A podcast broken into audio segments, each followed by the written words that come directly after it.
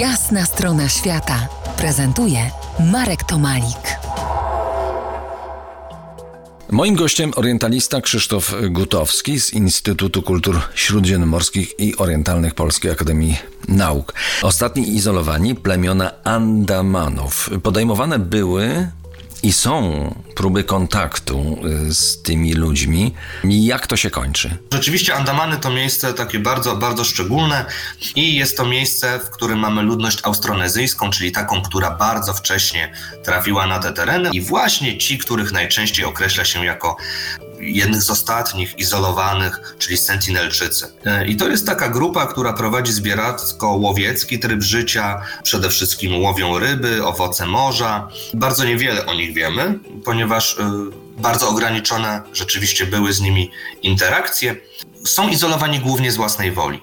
To znaczy, przez większość czasu, kiedy takie próby kontaktu były podejmowane, no, spotykały się one z otwartą wrogością ze strony Sentinelczyków, spotykały się ze strzałami po prostu e, z ich strony.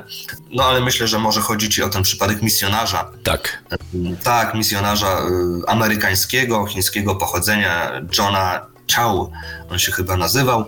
To był 2018 rok jeśli dobrze pamiętam, on tam nielegalnie się przedarł bez, bez permitów, bez przepustek e, po to, żeby, żeby tutaj działalność misjonarską uskutecznić i został zabity. Został zabity przez Sentinelczyków.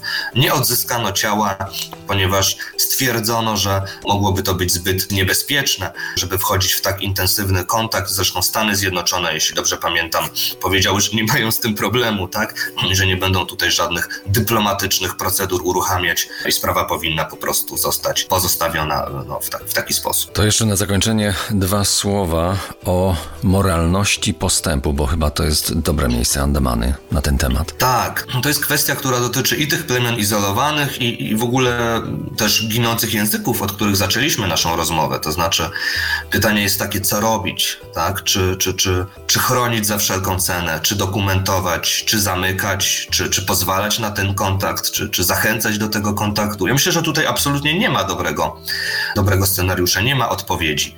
Bardzo często podkreśla się, że jest to izolacja dobrowolna. To znaczy, jest taka zasada, no właśnie w kontaktach z, z tymi grupami e, plemiennymi, że jeżeli one nie chcą kontaktu, to tego kontaktu się nie nawiązuje. E, odpowiedź sam.